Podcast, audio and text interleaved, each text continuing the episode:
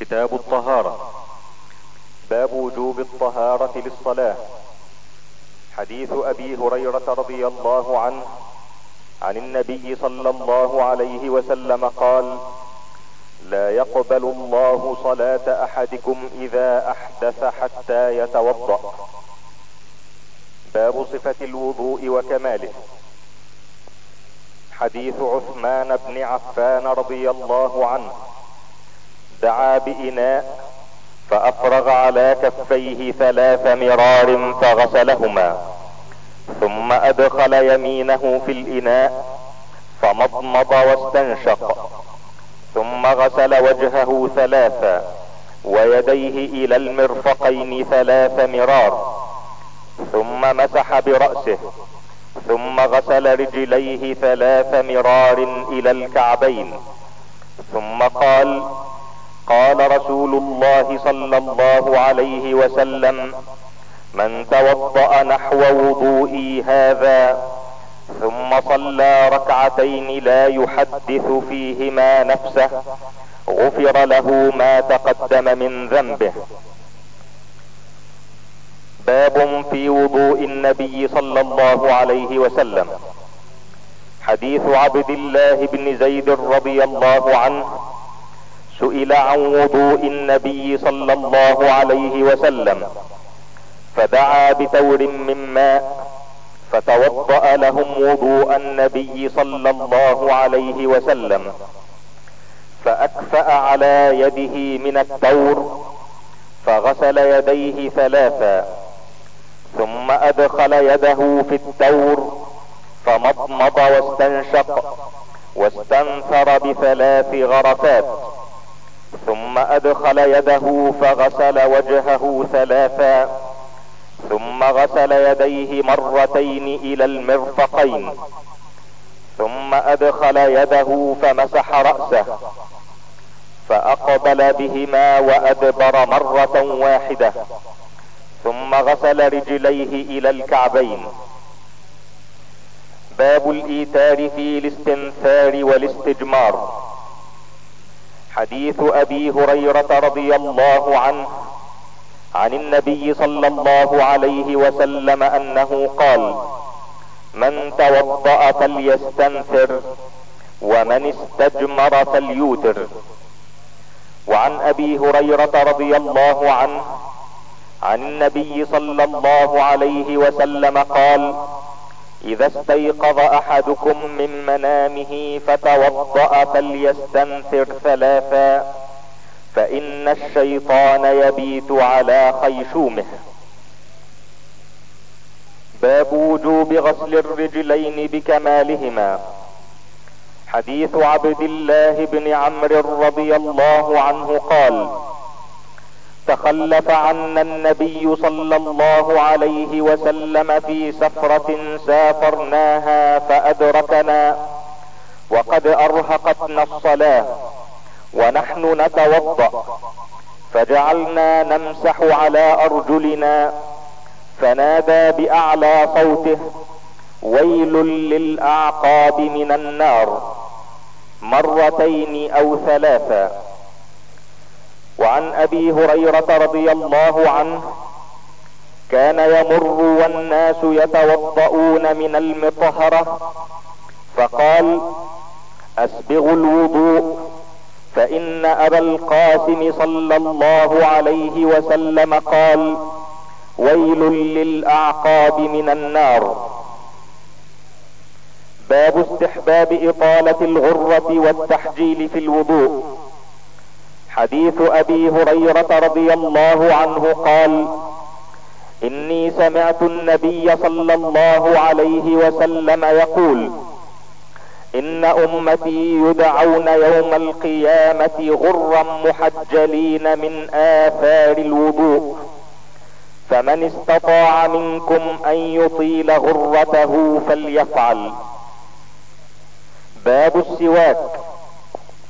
حديث أبي هريرة رضي الله عنه أن رسول الله صلى الله عليه وسلم قال لولا أن أشق على أمتي أو على الناس لأمرتهم بالسواك مع كل صلاة.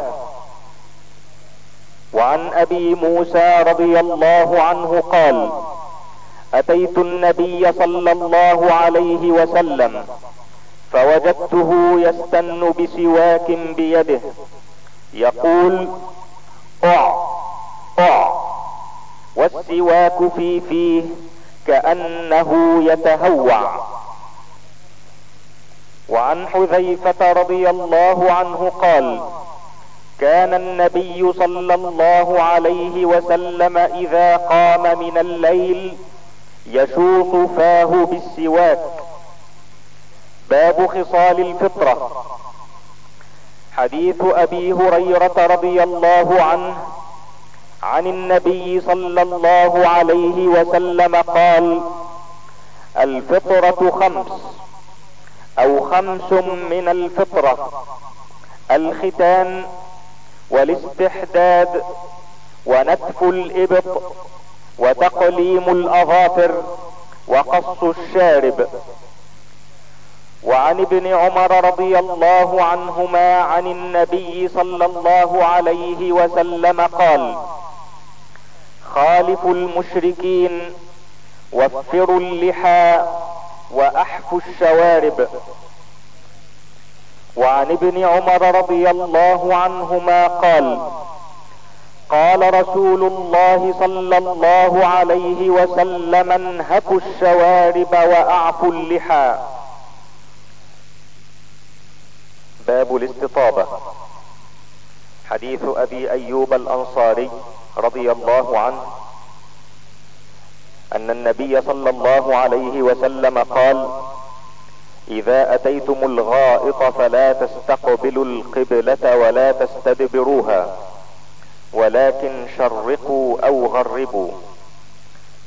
قال أبو أيوب فقدمنا الشام. فوجدنا مراحيض بنيت قبل القبلة. فننحرف ونستغفر الله تعالى.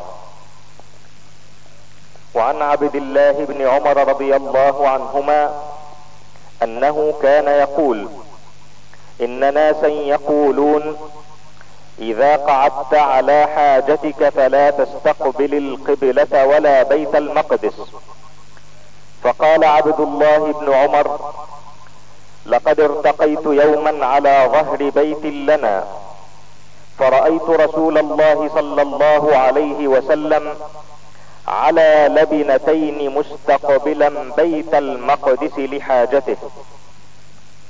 وعن عبد الله بن عمر رضي الله عنهما قال ارتقيت فوق ظهر بيت حفصة لبعض حاجتي فرأيت رسول الله صلى الله عليه وسلم يقضي حاجته مستدبر القبلة مستقبل الشام. باب النهي عن الاستنجاء باليمين. حديث أبي قتادة رضي الله عنه قال قال رسول الله صلى الله عليه وسلم إذا شرب أحدكم فلا يتنفس في الإناء. وإذا أتى الخلاء فلا يمس ذكره بيمينه ولا يتمسح بيمينه. باب التيمن في الطهور وغيره. حديث عائشة رضي الله عنها قالت كان النبي صلى الله عليه وسلم يعجبه التيمن في تنعله وترجله وطهوره. وفي شأنه كله. باب الاستنجاء بالماء من التبرز. حديث أنس رضي الله عنه قال كان رسول الله صلى الله عليه وسلم يدخل الخلاء فأحمل أنا وغلام إداوة من ماء وعنزة يستنجي بالماء. وعن أنس بن مالك رضي الله عنه قال كان النبي صلى الله عليه وسلم إذا تبرز لحاجته أتيته بماء فيغسل به. باب المسح على الخفين. حديث جرير بن عبد الله رضي الله عنه بال ثم توضأ ومسح على خفيه ثم قام فصلى.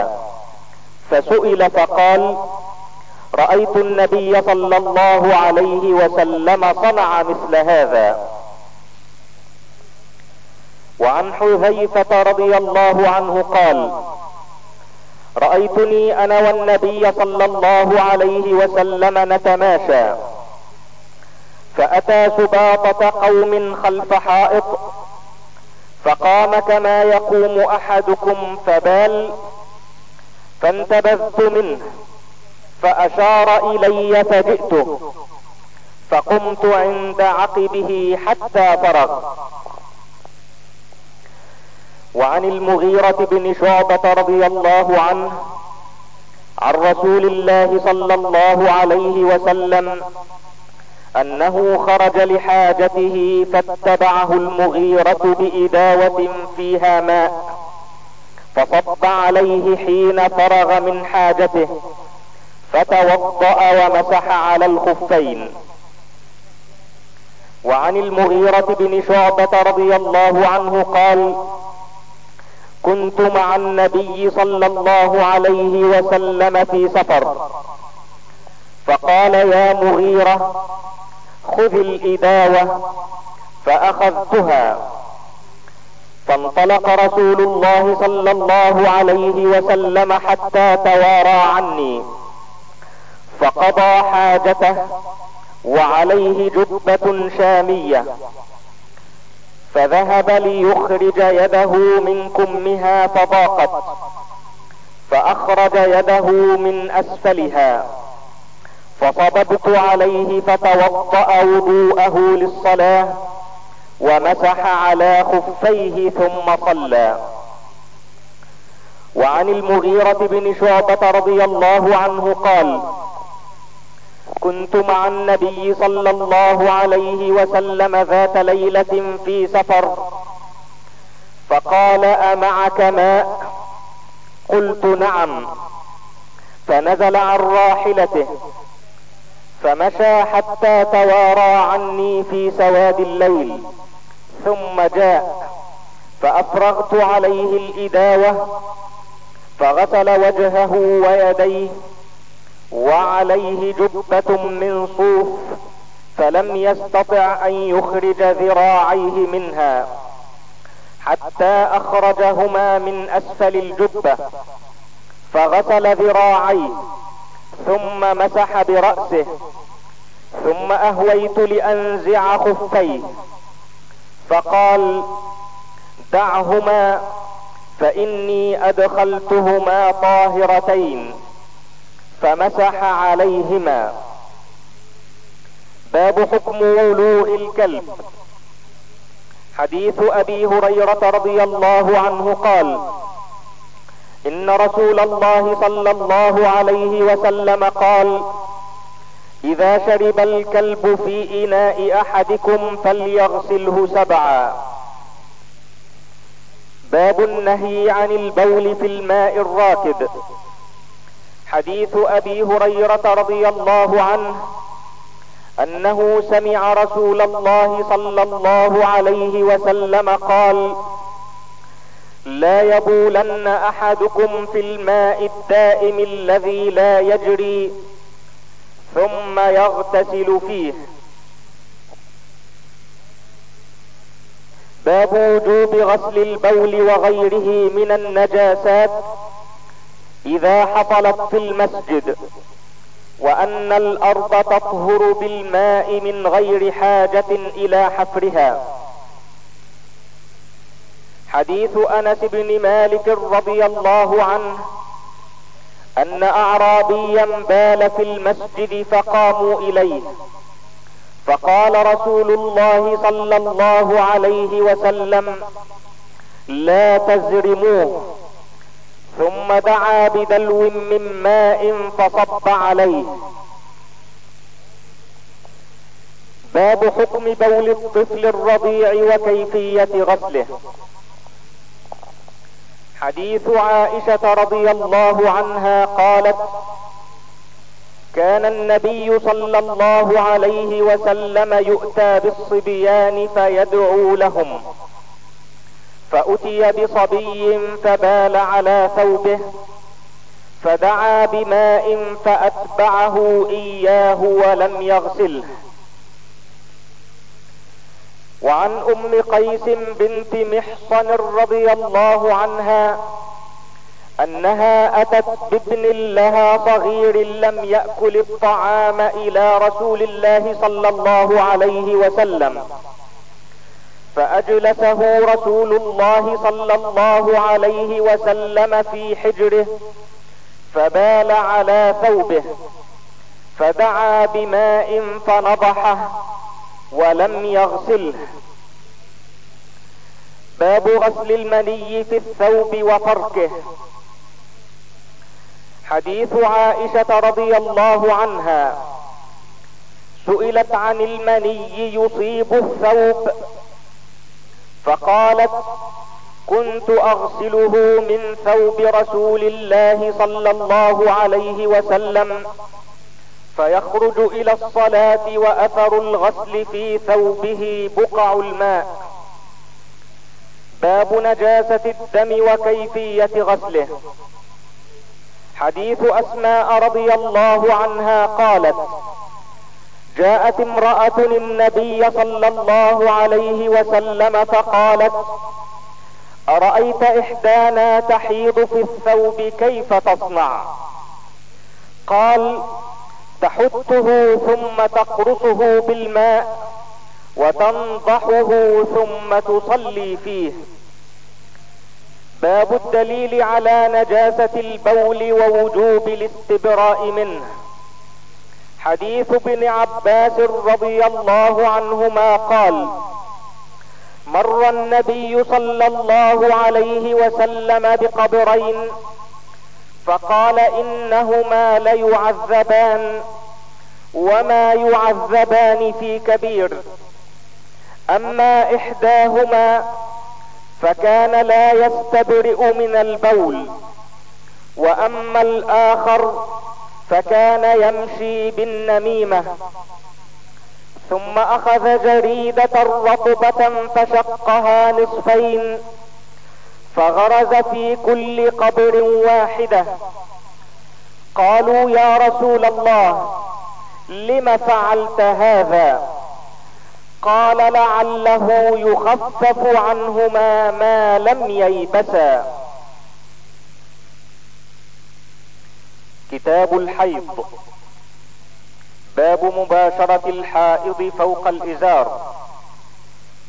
حديث عائشة رضي الله عنها قالت كانت إحدانا إذا كانت حائضا فأراد رسول الله صلى الله عليه وسلم أن يباشرها أمرها أن تتزر في فور حيضتها ثم يباشرها. قالت وأيكم يملك إربه كما كان النبي صلى الله عليه وسلم يملك إربه. وعن ميمونة رضي الله عنها قالت كان رسول الله صلى الله عليه وسلم إذا أراد أن يباشر امرأة من نسائه أمرها فاتزرت وهي حائض. باب الاضطجاع مع الحائض في لحاف واحد. حديث أم سلمة رضي الله عنها قالت بينا أنا مع النبي صلى الله عليه وسلم مضطجعة في خميلة حط فانسللت فأخذت ثياب حيضتي فقال أنا فستي قلت نعم. فدعاني فاضطجعت معه في الخميلة. وعن أم سلمة رضي الله عنها قالت وكنت أغتسل أنا والنبي صلى الله عليه وسلم من إناء واحد من الجنابة. باب جواز غسل الحائض رأس زوجها وترجيله. حديث عائشة رضي الله عنها زوج النبي صلى الله عليه وسلم.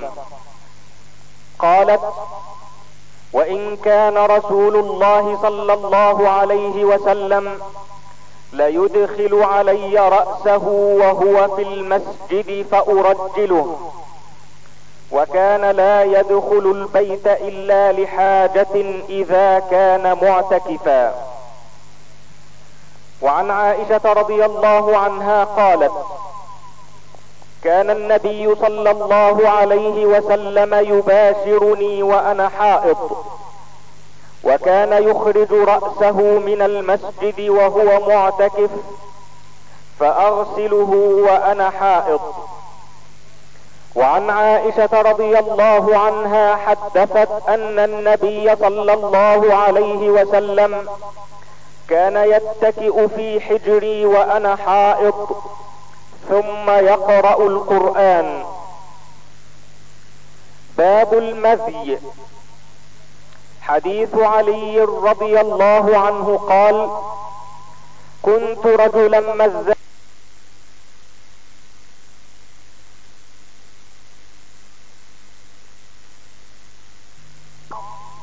كنت رجلا مزاء فاستحييت أن أسأل رسول الله صلى الله عليه وسلم فأمرت المقداد بن الأسود فسأله فقال فيه الوضوء باب جواز نوم الجنب واستحباب الوضوء له. حديث عائشة رضي الله عنها قالت كان النبي صلى الله عليه وسلم إذا أراد أن ينام وهو جنب غسل فرجه وتوضأ للصلاة. وعن ابن عمر رضي الله عنهما أن عمر بن الخطاب سأل رسول الله صلى الله عليه وسلم أيرقد أحدنا وهو جنب؟ قال نعم. إذا توضأ أحدكم فليرقد وهو جنب.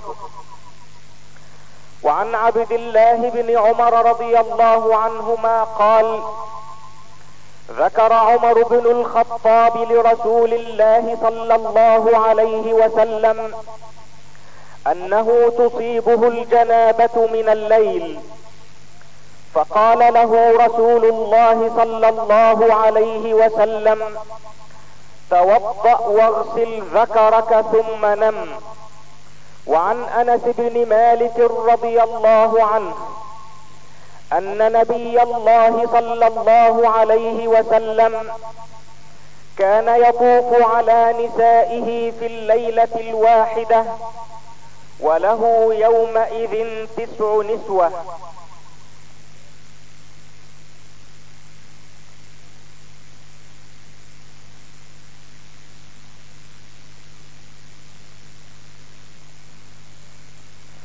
باب وجوب الغسل على المرأة بخروج المني منها.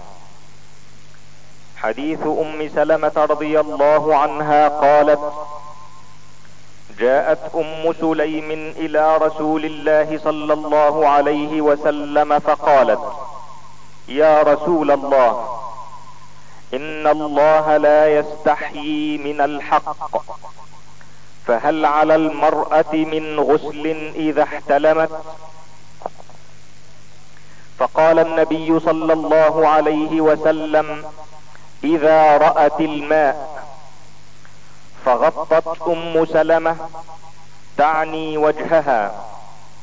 وقالت يا رسول الله وتحتلم المرأة؟ قال نعم تربت يمينك. فبما يشبهها ولدها باب صفة غسل الجنابة.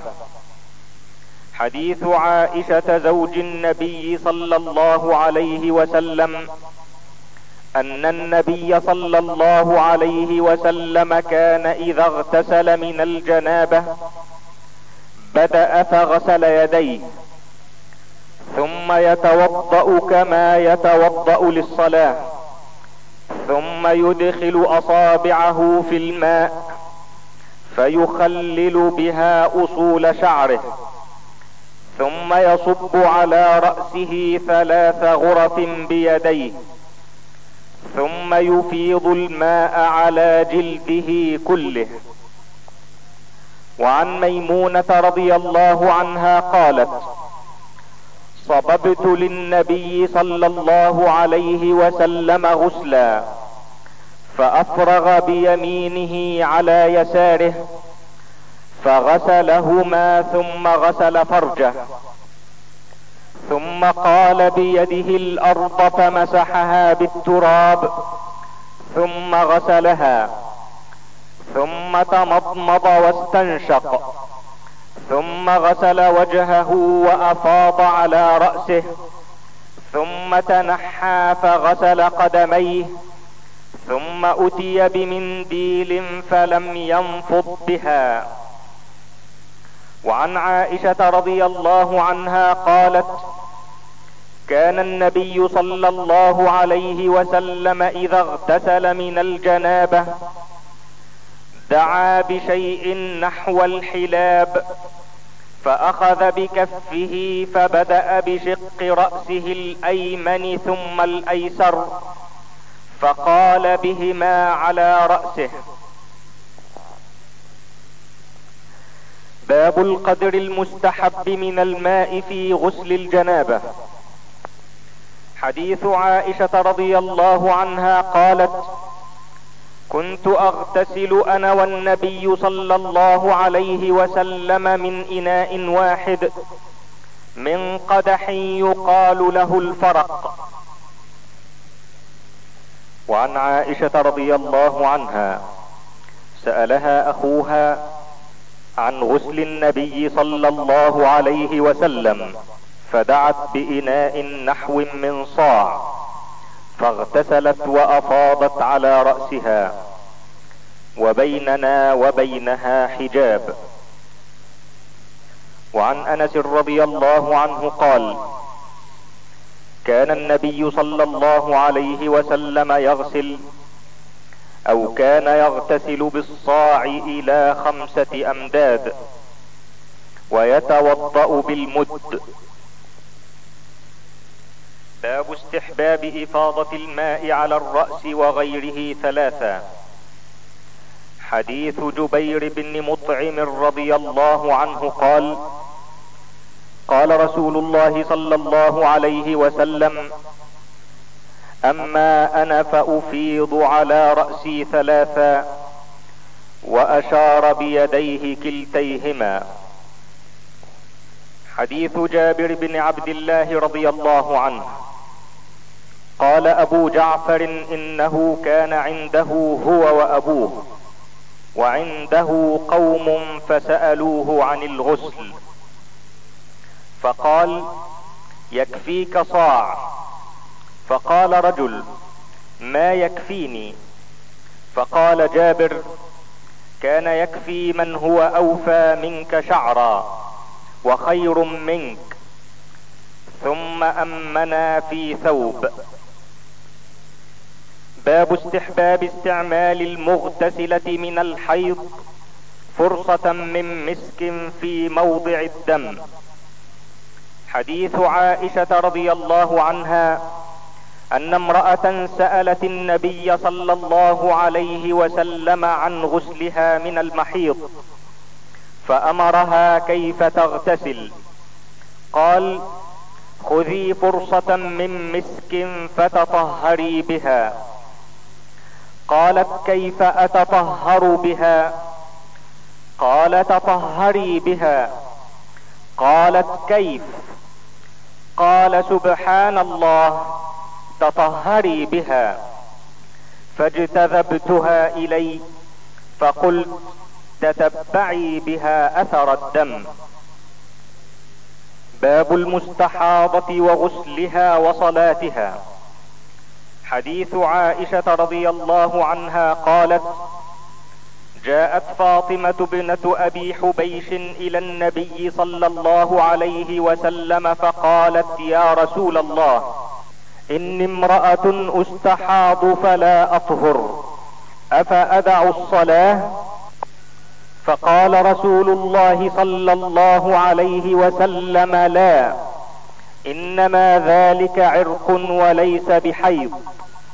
فإذا أقبلت حيضتك فدع الصلاة وإذا أدبرت فاغسلي عنك الدم ثم صلي ثم توضئي لكل صلاة حتى يجيء ذلك الوقت.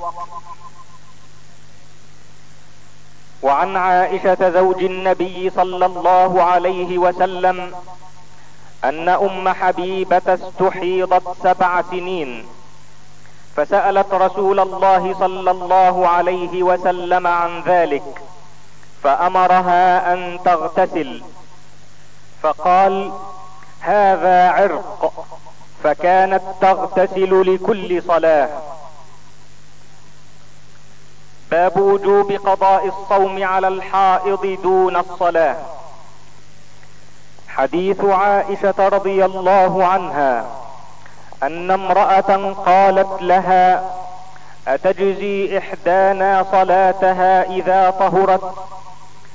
فقالت أحرورية أنت؟ كنا نحيض مع النبي صلى الله عليه وسلم فلا يأمرنا به. أو قالت فلا نفعله. باب تستر المغتسل بثوب ونحوه.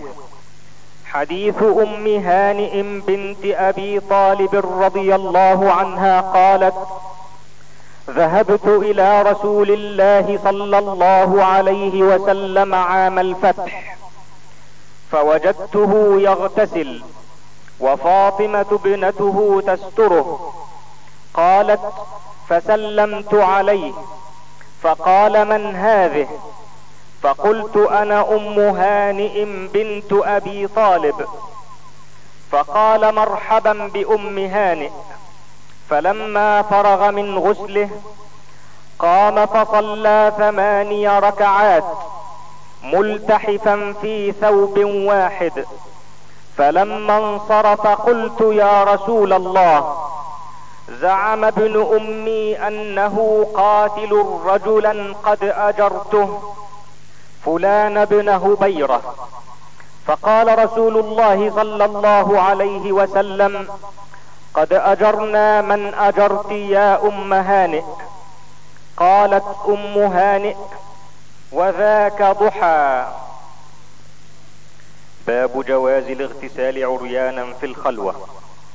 حديث أبي هريرة رضي الله عنه عن النبي صلى الله عليه وسلم قال كانت بنو إسرائيل يغتسلون عراة ينظر بعضهم إلى بعض وكان موسى يغتسل وحده فقالوا والله ما يمنع موسى أن يغتسل معنا إلا أنه ادر فذهب مرة يغتسل فوضع ثوبه على حجر ففر الحجر بثوبه فخرج موسى في اثره يقول ثوبي يا حجر حتى نظرت بنو إسرائيل إلى موسى فقالوا والله ما بموسى من بأس وأخذ ثوبه وطفق بالحجر ضربا. فقال أبو هريرة والله إنه لندب بالحجر ستة أو سبعة ضربا بالحجر. باب الاعتناء بحفظ العورة. حديث جابر بن عبد الله رضي الله عنه أن رسول الله صلى الله عليه وسلم كان ينقل معهم الحجارة للكعبة. وعليه إزاره. فقال له العباس عمه يا ابن أخي لو حللت إزارك فجعلته على منكبيك دون الحجارة. قال فحله فجعله على منكبيه فسقط مغشيا عليه فما رؤي بعد ذلك عريانا. صلى الله عليه وسلم. باب إنما الماء من الماء. حديث أبي سعيد الخدري رضي الله عنه أن رسول الله صلى الله عليه وسلم أرسل إلى رجل من الأنصار فجاء ورأسه يقطر. فقال النبي صلى الله عليه وسلم لعلنا أعجلناك. فقال نعم. فقال رسول الله صلى الله عليه وسلم إذا أعجلت أو قحطت فعليك الوضوء. وعن أبي بن كعب رضي الله عنه أنه قال يا رسول الله إذا جامع الرجل المرأة فلم ينزل قال يغسل ما مس المرأة منه ثم يتوضأ ويصلي. حديث عثمان بن عفان رضي الله عنه قال له زيد بن خالد أرأيت إذا جامع فلم يمن؟ قال عثمان يتوضا كما يتوضا للصلاة ويغسل ذكره. قال عثمان سمعته من رسول الله صلى الله عليه وسلم. باب نسخ. الماء من الماء ووجوب الغسل بالتقاء الختانين. حديث أبي هريرة رضي الله عنه عن النبي صلى الله عليه وسلم قال إذا جلس بين شعبها الأربع ثم جهدها فقد وجب الغسل. باب نسخ الوضوء مما مست النار. حديث عبد الله بن عباس رضي الله عنهما أن رسول الله صلى الله عليه وسلم أكل كتف شاة ثم صلى ولم يتوضأ. وعن عمرو بن أمية رضي الله عنه أنه رأى رسول الله صلى الله عليه وسلم يحتز من كتف شاه فدعي إلى الصلاة فألقى السكين فصلى ولم يتوضأ. وعن ميمونة رضي الله عنها أن النبي صلى الله عليه وسلم أكل عندها كتفا ثم صلى ولم يتوضأ. وعن ابن عباس رضي الله عنهما أن رسول الله صلى الله عليه وسلم شرب لبنا فمضمض وقال إن له دسما. باب الدليل على أن من تيقن الطهارة ثم شك في الحدث فله أن يصلي بطهارته. حديث عبد الله بن زيد بن عاصم الأنصاري رضي الله عنه أنه شكا إلى رسول الله صلى الله عليه وسلم. الرجل الذي يخيل إليه أنه يجد الشيء في الصلاة فقال لا ينفتل أو لا ينصرف حتى يسمع صوتا أو يجد ريحا. باب طهارة جلود الميتة بالدباغ. حديث ابن عباس رضي الله عنهما قال وجد النبي صلى الله عليه وسلم شاة ميتة أعطيتها مولاة لميمونة من الصدقة. فقال النبي صلى الله عليه وسلم هل انتفعتم بجلدها؟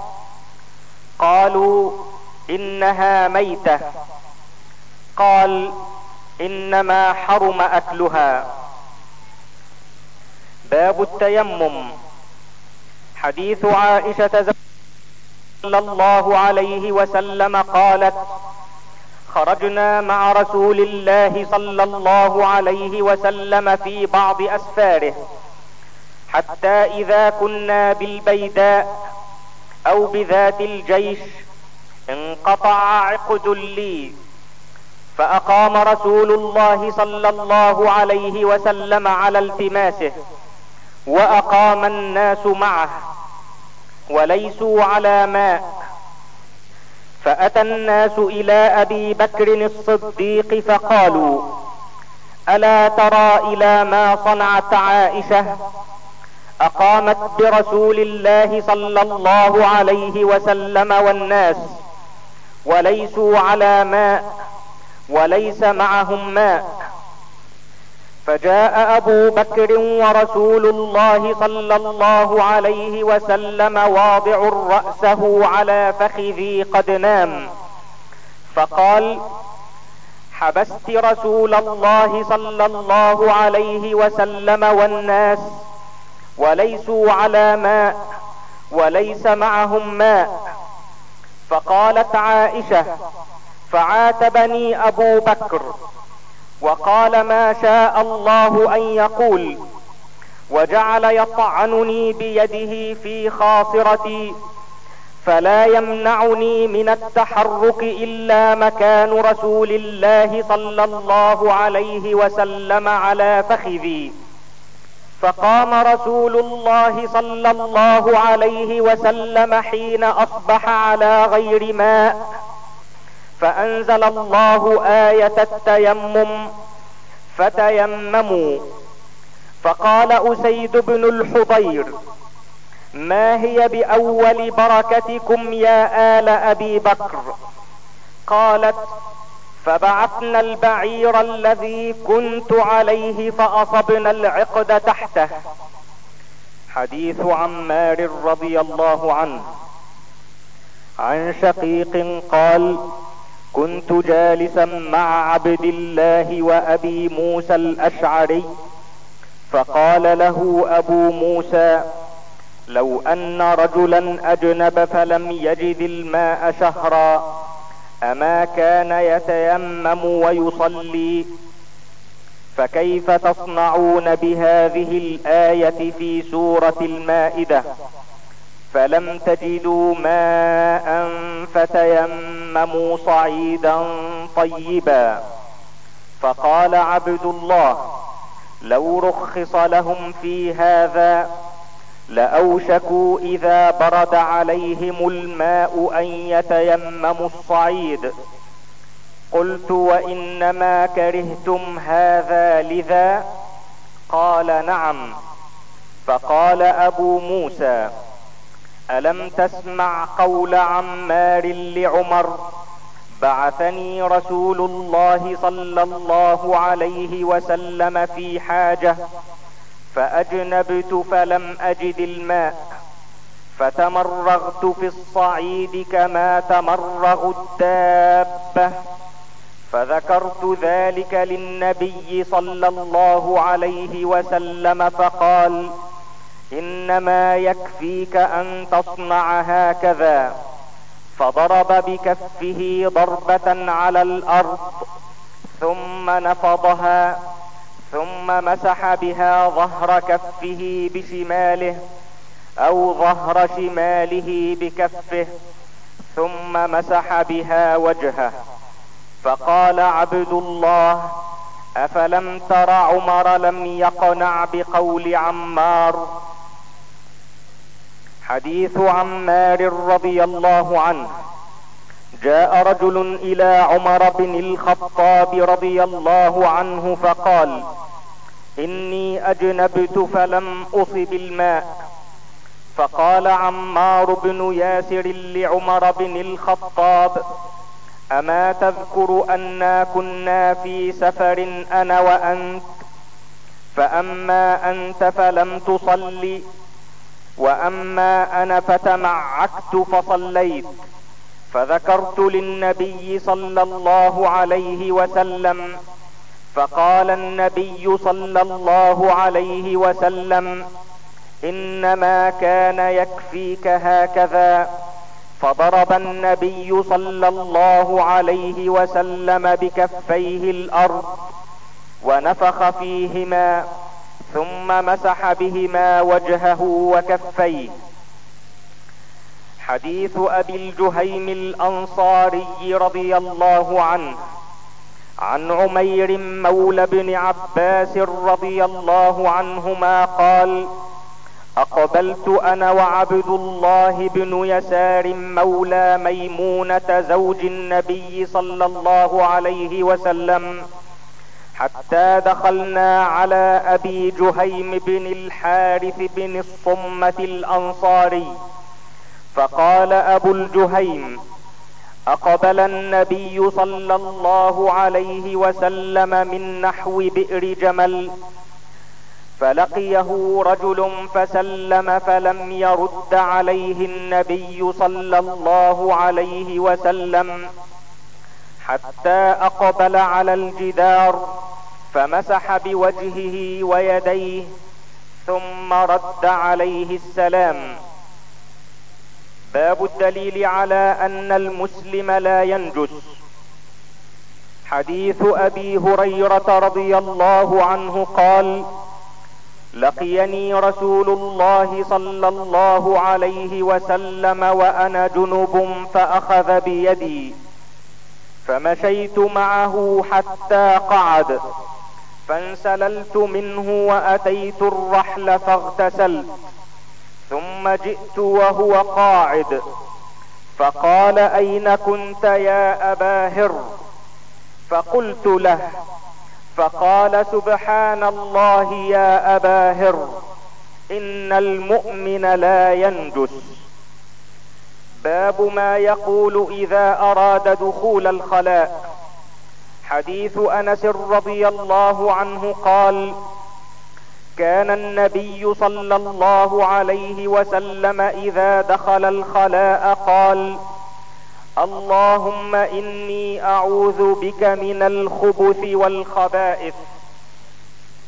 باب الدليل على أن نوم الجالس لا ينقض الوضوء. حديث أنس بن مالك رضي الله عنه قال أقيمت الصلاة والنبي صلى الله عليه وسلم يناجي رجلا في جانب المسجد فما قام إلى الصلاة حتى نام القوم.